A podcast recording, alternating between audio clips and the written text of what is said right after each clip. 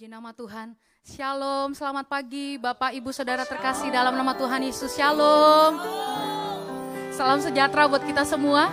Kami mengucapkan selamat tahun baru 2021. Biarlah berkat hujan awal dan hujan akhir terjadi dalam kehidupan kita. Amin. Apa yang tidak pernah dilihat oleh mata, tidak pernah didengar oleh telinga, dan tidak pernah timbul dalam hati kita. Tuhan sediakan yang terbaik buat kita semua. Amin. Tepuk tangan yang meriah buat Allah kita. Sorakan hu. Saya mengundang kita semua untuk bangkit berdiri. Kita mau bersyukur kepada Tuhan. Sebab Tuhan Yesus baik. Amin. Kasih yang begitu besar. Lebih kuat dari dosa. Kasih yang menemukanku.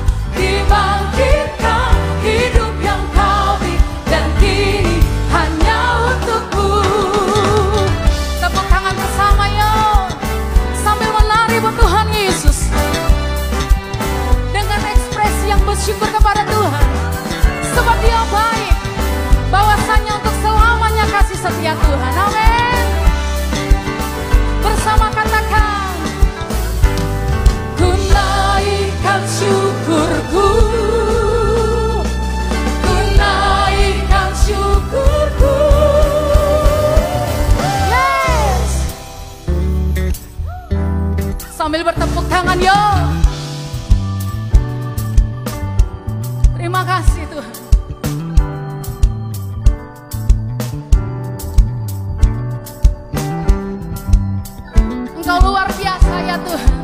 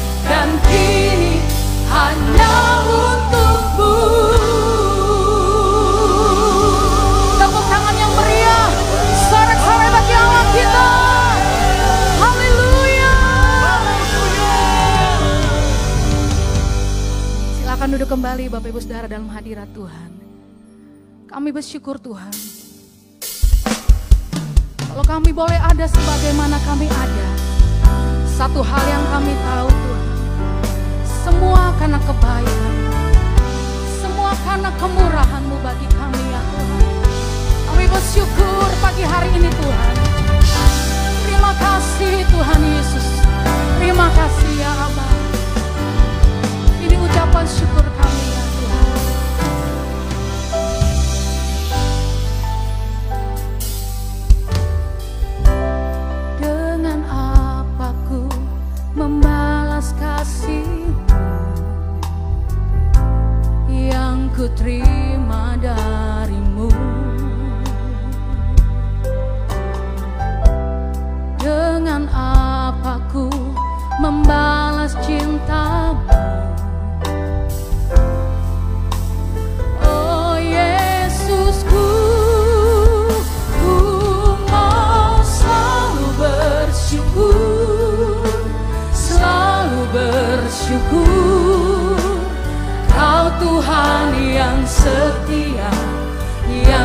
falo.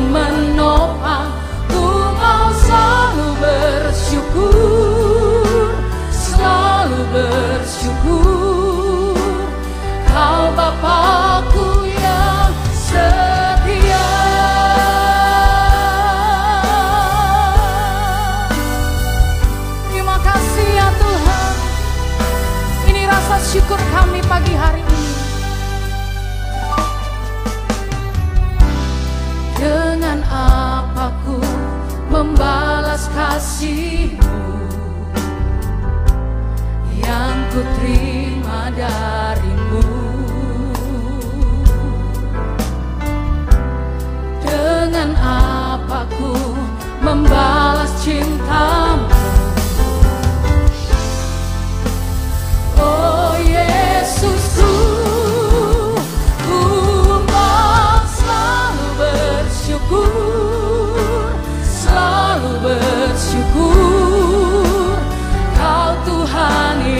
setia yang selalu menopang, ku mau selalu bersyukur.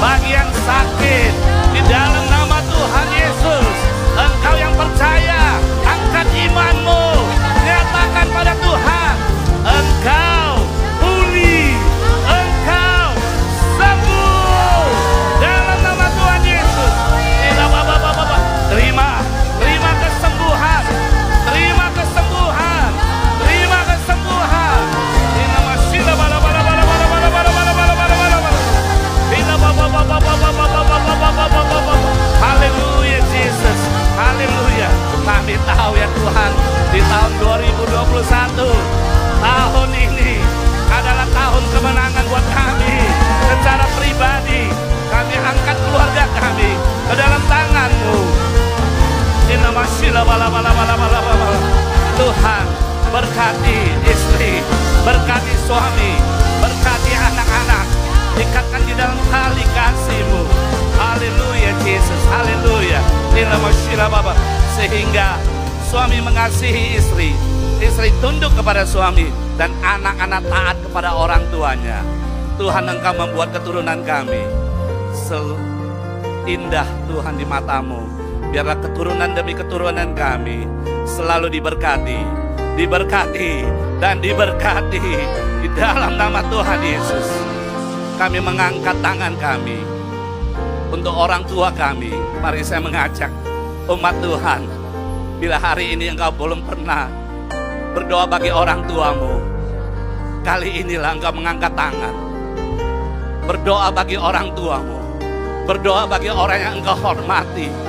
Haleluya Yesus. Tuhan, kami mengangkat tangan. Tuhan turunkan tanganmu untuk orang tua kami.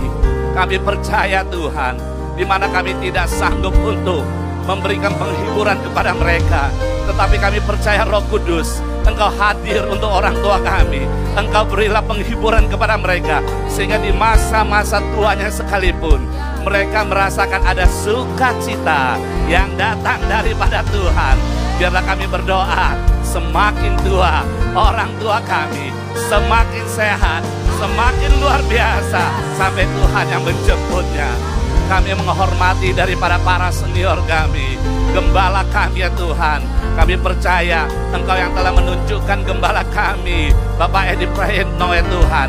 Kami percaya Engkau berkati istri. Engkau juga berkati keturunannya. Engkau berkati para wakilnya yang ada ya Tuhan Yang selalu memberikan support untuk pelayanan. Kami percaya Tuhan Engkau memberikan tuntunanmu ya Tuhan untuk gembala kami. Kiranya ada kesehatan yang sempurna. Selalu ia terima di dalam nama Tuhan Yesus. Berkati ya Tuhan. Bahkan secara khusus kami berdoa untuk gembala pembina kami. Bapak Jonan ya Tuhan. Tuhan, Engkau yang selalu memberikan anugerah demi anugerahmu. Engkau selalu mengurapi dia Tuhan, biarlah kami mengangkat tangan kami. Kami berdoa, Tuhan juga turunkan kesehatan surgawi untuk gembala pembina kami ya Tuhan. Kiranya segala sesuatunya dalam keadaan baik, keluarganya baik, bahkan keturunannya juga baik ya Tuhan. Terima kasih Tuhan, terima kasih. Kami berdoa untuk kota Medan ya Tuhan, di mana tempat kami berdomisili ya Tuhan. Kami percaya Tuhan, Engkau ada di kota Medan. Tuhan Engkau juga berkarya di kota Medan. Engkau urapi daripada setiap para pemimpin pejabat daripada pemerintah di kota Medan ya Tuhan. Kiranya hikmat marifatmu selalu ada dan selalu turun kepada mereka. Tuntunlah mereka sehingga Tuhan kota Medan ini juga diperuntukkan memuliakan namamu ya Tuhan Yesus. Berkati Tuhan Indonesia, berkati Presiden, Wakil Presiden, dan bersama dengan para menterinya Tuhan. Terima kasih Tuhan. Kami juga tidak lupa berdoa ya Tuhan, di mana kami menaruh hati kami, Yerusalem. Tuhan kami percaya, kami mengangkat tangan kami. Tuhan, Engkau memberkati kami. Engkau terlebih-lebih Tuhan, mengurapi, memberkati daripada Yerusalem sehingga puri-puri dan tembok-temboknya Tuhan mengalirlah pengurapanmu dan anugerahmu turun sampai setiap orang yang di mana memberkati Yerusalem itu diberkati. Terima kasih Tuhan dan sebentar lagi kami akan mendengar daripada firmanmu ya Tuhan. Mari buka kedua tanganmu, arahkan hatimu bagi Tuhan. Tuhan inilah kami. Berfirmanlah kepada kami sehingga pada pagi hari ini kami tahu ya Tuhan, langkah yang harus kami hadapi di depan dan kami harus memenangkan daripada permasalahan. Berbicara kepada kami, tegurlah kami jika kami punya kesalahan. Dan engkaulah dimuliakan, hambamu membutuhkan pengurapanmu. Di dalam nama Allah Bapa Putra dan Roh Kudus, di dalam nama Tuhan Yesus. Mari kita sama-sama katakan, Amin. Haleluya, haleluya. Ya, kami persilakan untuk dapat duduk kembali. Shalom Bapak Ibu. Terpujilah di dalam nama Tuhan Yesus. Dan pagi hari ini kita sudah masuk di tahun 2021. Tahun 2020 sudah kita tinggalkan. Nah saudara, di dalam tahun 2021 ini ya banyak yang bersuka cita karena melewati daripada satu tahun kita bersyukur kepada Tuhan. Dan juga kita ini adalah bersuka cita karena ya mungkin saja di rumah ada ada baju baru dan segala macam dan segala macamnya. Saudara yang dikasih dalam nama Tuhan Yesus, melewati daripada tahun 2020 dan masuk di tahun 2021. Ada satu hal yang di mana sekarang kita bersuka cita. Nanti begitu berjalan dan berjalan berjalan hari ke hari, bulan ke bulan, kita juga pasti menjumpai daripada masalah. Karena kita di dalam kehidupan, masalah itu tidak pernah jauh daripada kita. Saudara yang dikasih dalam nama Tuhan Yesus, Pagi hari ini saya berbicara tentang hidup dalam kebenaran. Sekali lagi hidup dalam kebenaran. Karena sepanjang daripada tahun ini kita berbicara kebenaran. Dan saya percaya Tuhan tidak pernah akan meninggalkan kita. Tetapi Tuhan akan memberitahukan kebenaran itu adalah kekuatan di dalam kehidupan kita. Saudara yang dikasih dalam nama Tuhan Yesus, banyak orang mendengar dan berkata kebenaran-kebenaran. Bagaimana mempraktekkan kebenaran itu? bagaimana kebenaran itu menjadi praktisi di dalam kehidupan kita. Itu lebih penting daripada berteori dan berteori. Mari kita lihat. Ya, kita lihat daripada ayat firman Tuhan terlebih dahulu. Saudara yang dikasih dalam nama Tuhan Yesus. Di dalam Filipi 4 ayat yang ke-8. Nah di situ dikatakan, jadi akhirnya saudara-saudara, semua yang benar, semua yang mulia, semua yang adil, semua yang suci, semua yang manis, semua yang sedap didengar, semua yang disebut kebajikan dan patut dipuji.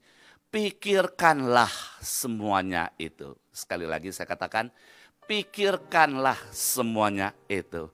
Saudara yang dikasih dalam nama Tuhan Yesus, ayat ini adalah Paulus yang mengungkapkan di dalam isi hatinya ayat ini yang diajarkan dan diberitahukan kepada murid-muridnya. Bagaimana yang dia lakukan. Saudara yang dikasih dalam nama Tuhan Yesus, dikatakan pikirkanlah semua kebajikan yang patut dipuji. Haleluya, haleluya. Saya ingin memberitahukan, Paulus berkata begitu, bukan karena Paulus itu hidup dalam keadaan yang enak saya ingin memberitahukan kepada saudara, Paulus berkata hal yang demikian. Bukan berarti hidupnya dalam keadaan senang. Itu yang perlu kita pelajari. Di tahun 2020 kita banyak jumpai masalah. Bukan arti yang di tahun 2021 tidak ada masalah. Tetapi saya ingin memberitahukan, hidup di dalam kebenaran itu juga akan mengalahkan permasalahan. Yang percaya katakan amin. Haleluya. Saudara yang dikasih dalam nama Tuhan Yesus, bagaimana tentang perubahan dalam kehidupan Paulus. Paulus itu saudara tahu, pada saat itu nama pertamanya itu adalah Saulus. Paulus itu adalah orang yang di mana mereka dalam keadaan yang dikatakan orang yang cukup berkuasa. Paulus itu adalah orang yang di mana dia pergi, orang-orang akan takut kepada dia. Paulus di mana pada saat dia itu di mana pun berada, murid-murid Yesus juga takut sama dia. Kenapa? Di dalam kehidupan daripada Paulus ada backup daripada orang-orang tentara Romawi. Di mana dia pergi, pasti ada korban. Saudara yang dikasih dalam nama Tuhan Yesus, kehidupannya dalam kemegahan, kehidupannya dalam punya kuasa yang luar biasa. Tetapi apa yang terjadi? Perubahan dalam kehidupan Paulus perubahan dalam kehidupan Paulus yang terjadi pada saat dia mengenal Tuhan, dia percaya kepada Tuhan, kehidupannya berubah. Dalam seketika itu berubah. Yang dulunya orang takut kepada dia, yang dulunya dia punya wibawa untuk berbicara. Tetapi apa yang terjadi? Begitu dia itu terima Tuhan Yesus, berubah menjadi hidup yang tertekan. Paulus hidup berubah menjadi orang yang dianiaya tertindas saat dia menerima juru selamat, Yesus Kristus. Saudara yang dikasih dalam nama Tuhan Yesus, apa saja penderitaan daripada Paulus? Apa saja penderitaan itu? tercatat di dalam firman Tuhan di dalam 2 Korintus 11 ayat yang ke-22 23 sampai dengan 27. Apakah mereka pelayan Kristus? Aku berkata seperti orang gila, aku lebih lagi. Aku lebih banyak berjeri lelah, lebih sering di dalam penjara, didera, di luar batas, kerap kali dalam bahaya maut. Itulah kehidupan Paulus. Lima kali aku disesah orang Yahudi. Setiap empat, setiap kali empat puluh kurang satu pukulan. Tiga kali aku didera, satu kali aku dilempari dengan batu. Tiga kali mengalami karam kapal. Sehari semalam aku terkatung-katung di tengah laut. Dan apalagi, dalam perjalananku aku sering diancam bahaya banjir dan bahaya penyamun bahaya dari pihak orang-orang Yahudi dan dari pihak orang-orang bukan Yahudi. Bahaya di kota, bahaya di padang gurun, bahaya di tengah laut, dan bahaya dari pihak saudara-saudara palsu. Artinya apa? Di dalam ayat yang ke-26, di mana pun dia berdiri, itu bukan dalam keadaan yang tenang. Di mana pun dia berada, selalu dalam keadaan bahaya. Di mana pun dia berada, ada saudara dia, tetapi ada juga yang palsu. Itu yang terjadi. Dan ayat yang ke-27 di situ dikatakan, Aku banyak berjeri lelah dan bekerja berat. Kerap kali aku tidak tidur, aku lapar dan dahaga. Kerap kali aku berpuasa, kedinginan dan tanpa pakaian. Saudara yang dikasih dalam nama Tuhan Yesus, saya percaya dengan keadaan yang demikian itu tidak ada satu orang pun yang mau menikmati keadaan itu. Saya juga berdoa, saya sendiri saya juga tidak mau masuk dalam hal yang begitu. Saya juga berdoa bagi semua, tidak akan masuk ke dalam hal penderitaan itu. Saudara yang dikasih dalam nama Tuhan Yesus.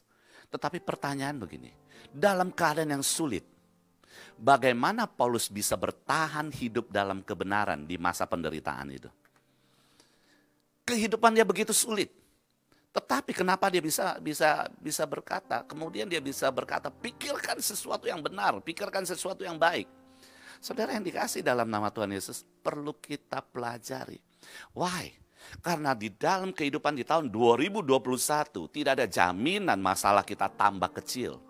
Tahun 2021 tidak ada jaminan bahwa kita hidup jauh lebih enak daripada tahun 2020.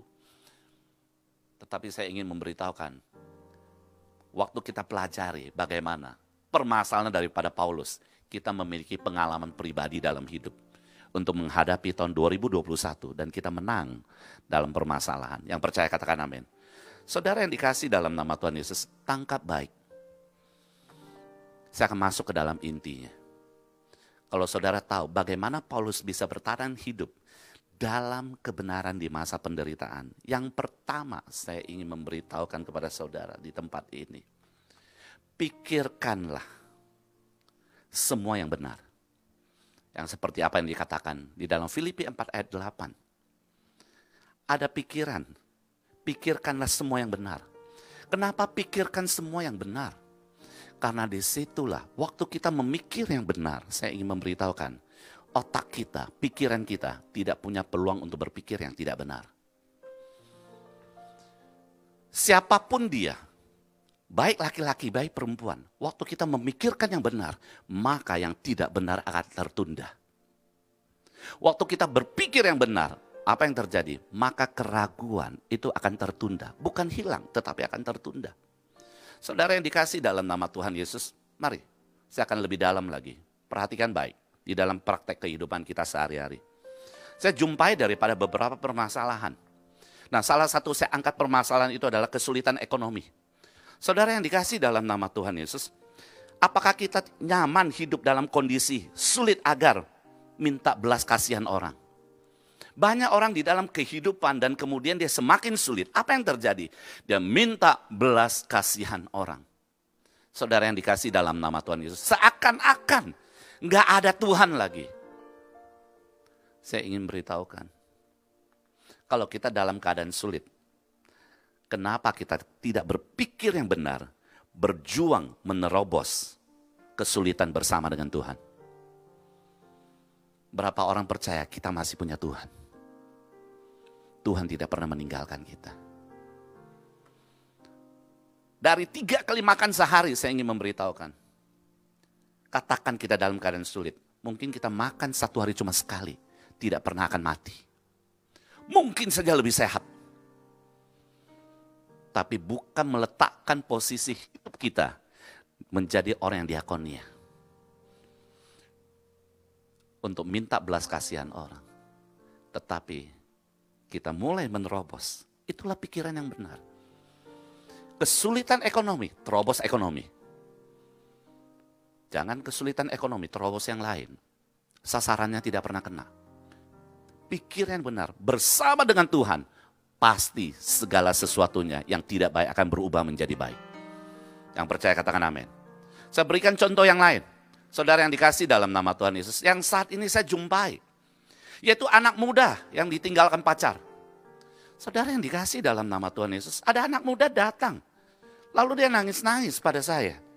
Kenapa dia nangis? Ini ini pemuda. Ganteng lagi orangnya. Pak, tujuh hari tujuh malam pak. Nggak tidur pak. Tidur pun setengah jam. Nggak nyaman pak. Kenapa? Ditinggal pacar. Saudara yang dikasih dalam nama Tuhan Yesus. Saya berkata, what? Kamu ditinggal sama pacar, nggak tidur. Saya bilang, kamu itu masih Kristen nggak? Yang namanya masih Kristen, yang diutamakan itu apa? Bukan pacar, tetapi Tuhan. Saudara yang dikasih dalam nama Tuhan Yesus, hidup masuk pikiran yang benar. Bagaimana pikiran yang benar tentang masalah ini? Ucapan terima kasih kepada Tuhan. Mungkin kita pribadi itu ada kesalahan sehingga pacar pun lari daripada kita koreksi diri itu baru benar. Apakah saya kurang menyayangi dia? Apakah saya kurang memperhatikan dia? Bukankah orang yang punya kasih itu selalu bisa memperhatikan orang lain? Apakah itu kurang? Itu yang pertama. Yang kedua, kalau kena masalah itu, nggak perlu nggak tidur. Tetapi saya ingin memberitahukan satu hal. Bersyukurlah. Kenapa? Karena waktu di dalam kita pernikahan, baik buruk kita itu harus terima. Tetapi waktu pacaran, dalam keadaan yang tidak baik demikian saja, pacar itu udah bisa lari. Artinya apa? Kita ketemu orang yang tidak setia. Bersyukurlah, mau nikah dengan orang yang setia atau menikah dengan orang yang tidak setia. Dan dia jawab begini, ya pasti mau nikah dengan orang yang setia. Nah yang lari itu tidak setia, apakah kamu gak bersyukur? Dia berkata, saya bersyukur sekarang. Haleluya. Saudara yang dikasih dalam nama Tuhan Yesus. Tetap hidup dalam kebenaran. Apa yang dikatakan di dalam Filipi 4 ayat yang ke-8. Saya memberikan satu contoh lagi. Saudara yang dikasih dalam nama Tuhan Yesus. Hidup dalam keluarga. Saudara, saya ketemu orang yang hidup dengan dalam keluarga. Ada suami istri yang datang bukan bukan bukan bukan suami yang itu bukan suami istri tapi istrinya yang datang. Dan dia berkata Pak Pendeta aku dipukul sama suami. Haleluya sampai berdarah-berdarah. Tapi bukan itu saja yang saya jumpai. Saya juga jumpa ada suami yang datang nangis lagi dan berkata tolonglah Pak Pendeta. Dia bukan dipukul dilibas katanya saya dilibas sama sama istri saya. Sampai lari dia terbirit-birit. Haleluya, saudara yang dikasih dalam nama Tuhan Yesus. Kalau hal begitu semua jemaat saya itu saya jadi pusing juga. Tapi enggak, ini hanya segelintir orang saja. Tapi ini perlu kita bicarakan. Bagaimana kita menanggapi dan hidup di dalam kebenaran itu. Selalu ada jalan untuk hidup dalam kebenaran. Perhatikan baik. Saya berkata apa? Saya mulai mencari permasalahan apa yang terjadi. Dan kemudian ada range tertentu tentang karakter yang di mana si suami tidak boleh over ataupun tabrak daripada karakter istri. Dan istri juga punya karakter pribadi yang tidak boleh ditabrak oleh suami. Setelah mereka tahu, mereka jaga dengan baik daripada range yang tidak boleh ditabrak itu. Mereka jadi harmonis. Begitu kita tahu kebenaran daripada sese seseorang. Dan mana yang boleh, mana yang tidak boleh. Itu akan menjadi aman. Saudara yang dikasih dalam nama Tuhan Yesus, setiap masalah selalu lebih banyak solusinya. Yang percaya katakan amin. Saya akan masuk ke tahap terakhirnya. Haleluya. Berapa orang mau kita hidup dalam keadaan baik? Berapa orang mau kita hidup di dalam kebenaran? Bagai, berapa orang yang mau kita tahun 2021 kita tetap stay, tetap hidup, tetap jalan di dalam kebenaran. Sehingga setiap permasalahan sama seperti Paulus. Bagaimana dia bisa memenangkan daripada permasalahan? Haleluya. Semua baik, semua baik. Apa yang telah kau perbuat hidupku katakan semua baik sungguh teramat baik. Kau jadikan hidupku berarti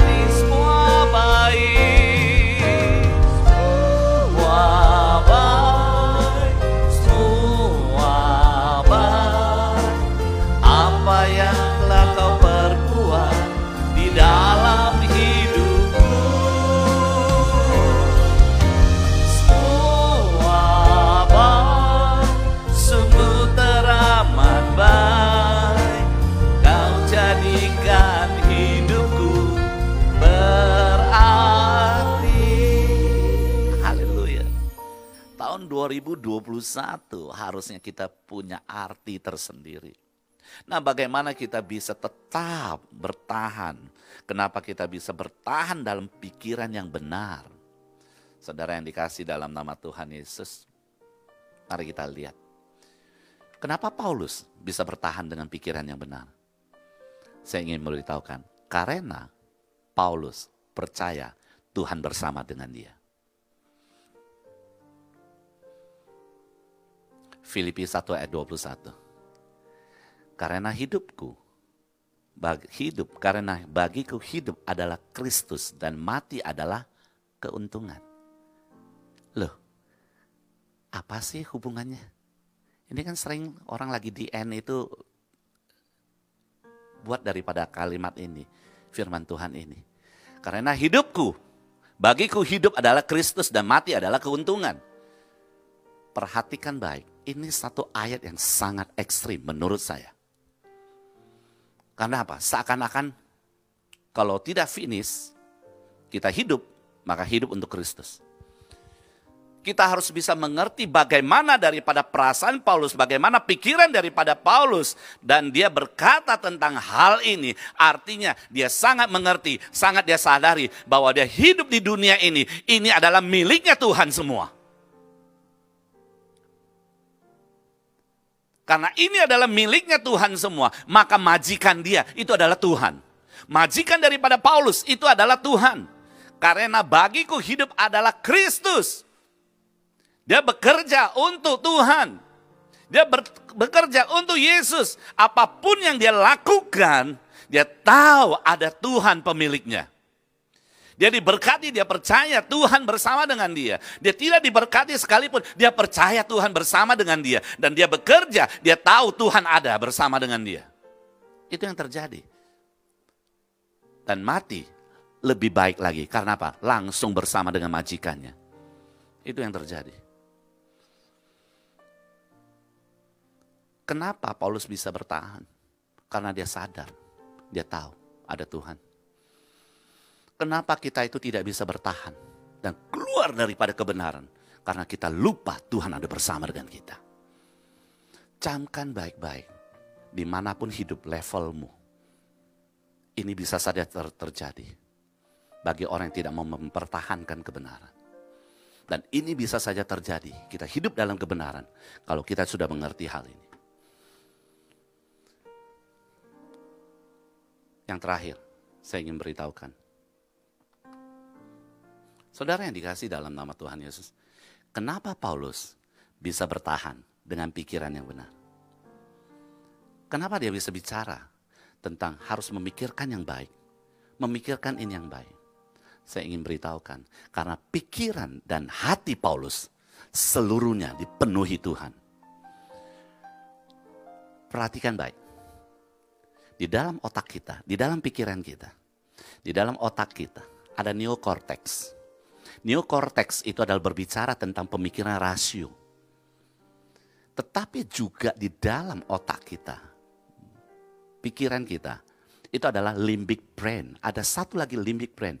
Limbic brain itu adalah tempat untuk menyimpan perasaan. Saya hanya bicara dua ini. Kalau berbicara tentang pikiran, itu ada neocortex dan ada limbic brain. Di mana kita lihat, limbic brain itu adalah menyimpan daripada perasaan. Nah sakitnya, kalau perasaan kita sakit akan kenanya kemari. Kita selalu berkata di hati. Tetapi semuanya melalui mata kita. Tetapi di dalam pikiran kita dipenuhi gambaran Tuhan yang jelas. Kalau tidak percaya, sekarang saudara berpikir. Kamu tutup mata dan pikirkan karya Tuhan, kebaikan Tuhan yang luar biasa. Engkau akan percaya Tuhan bersama dengan engkau. Tuhan tidak pernah jauh daripada kita. Paulus punya pemikiran itu. Di mana dia lakukan segala sesuatunya. Dia gambarannya sangat jelas di pikirannya. Ada Tuhan dalam kehidupannya. Itu yang terjadi. Sehingga apa yang terjadi dalam kehidupannya? Masalah berat sekalipun, dia selalu melihat ada jalan keluarnya. Ada masalah berat sekalipun, dia melihat ada solusinya. Ada masalah yang menekan dia sekalipun yang tidak dapat dilakukan dengan tenaga dia. Dia tahu Tuhan akan ikut campur tangan di dalam. Saudara yang dikasih dalam nama Tuhan Yesus. Mari kita bangkit berdiri. Perhatikan baik. Pikirkanlah semua yang benar. Pikiran dan hati selalu sadar ada Tuhan. Maka tindakanmu akan mengikuti pikiran dan hatimu. Sekali lagi, dengar, camkan baik-baik. Pikirkan semua yang benar. Pikiran dan hati selalu ada pikiran dan hati selalu sadar ada Tuhan, maka tindakanmu akan mengikuti pikiran dan hatimu. Itulah bisa masuk dalam hidup dalam kebenaran. Haleluya. Haleluya. Mari katakan. Semua baik, semua baik. Apa yang telah kau perbuat di dalam hidupku semua baik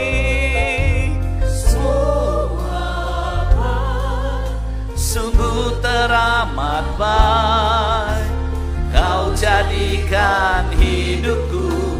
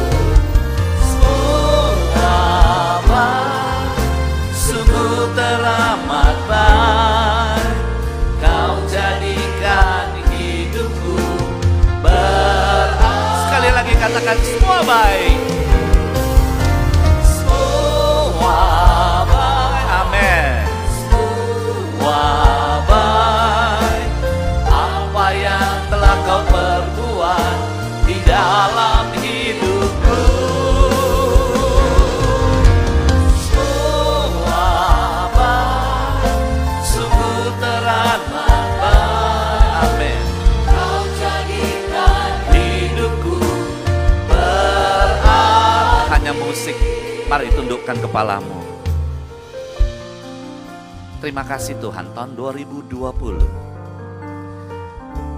kami telah melewati. Tahun 2021 kami telah memasuki. Dan kami percaya firman-Mu yang memberikan gambaran tentang Paulus yang hidup dalam kesulitan tetapi bersama dengan Tuhan, dia juga menang di dalam kesulitan. Dia bisa melewati daripada kesulitan. Dia bisa di atas daripada kesulitan. Tuhan, terima kasih. Kami telah mempelajari.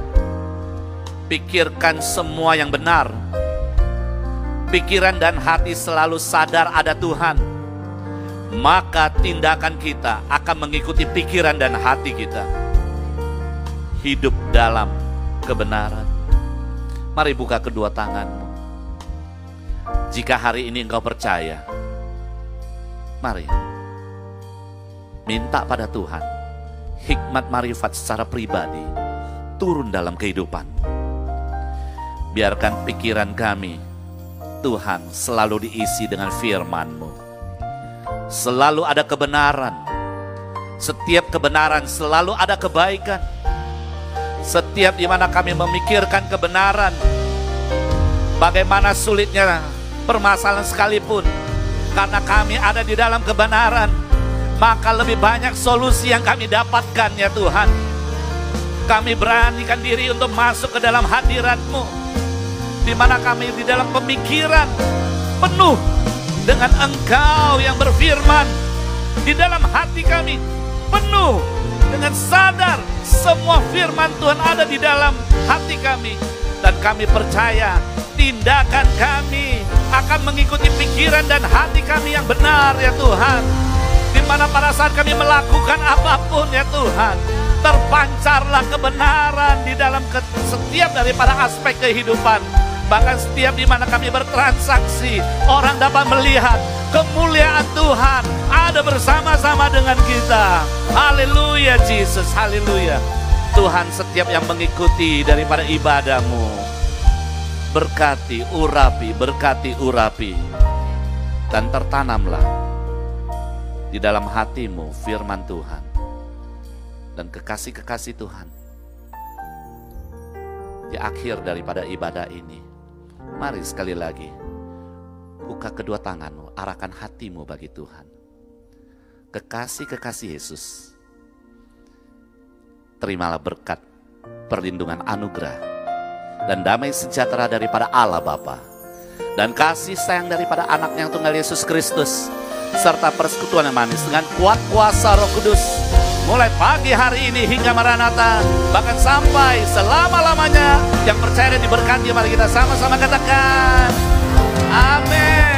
Terima kasih, Tuhan Yesus berkati.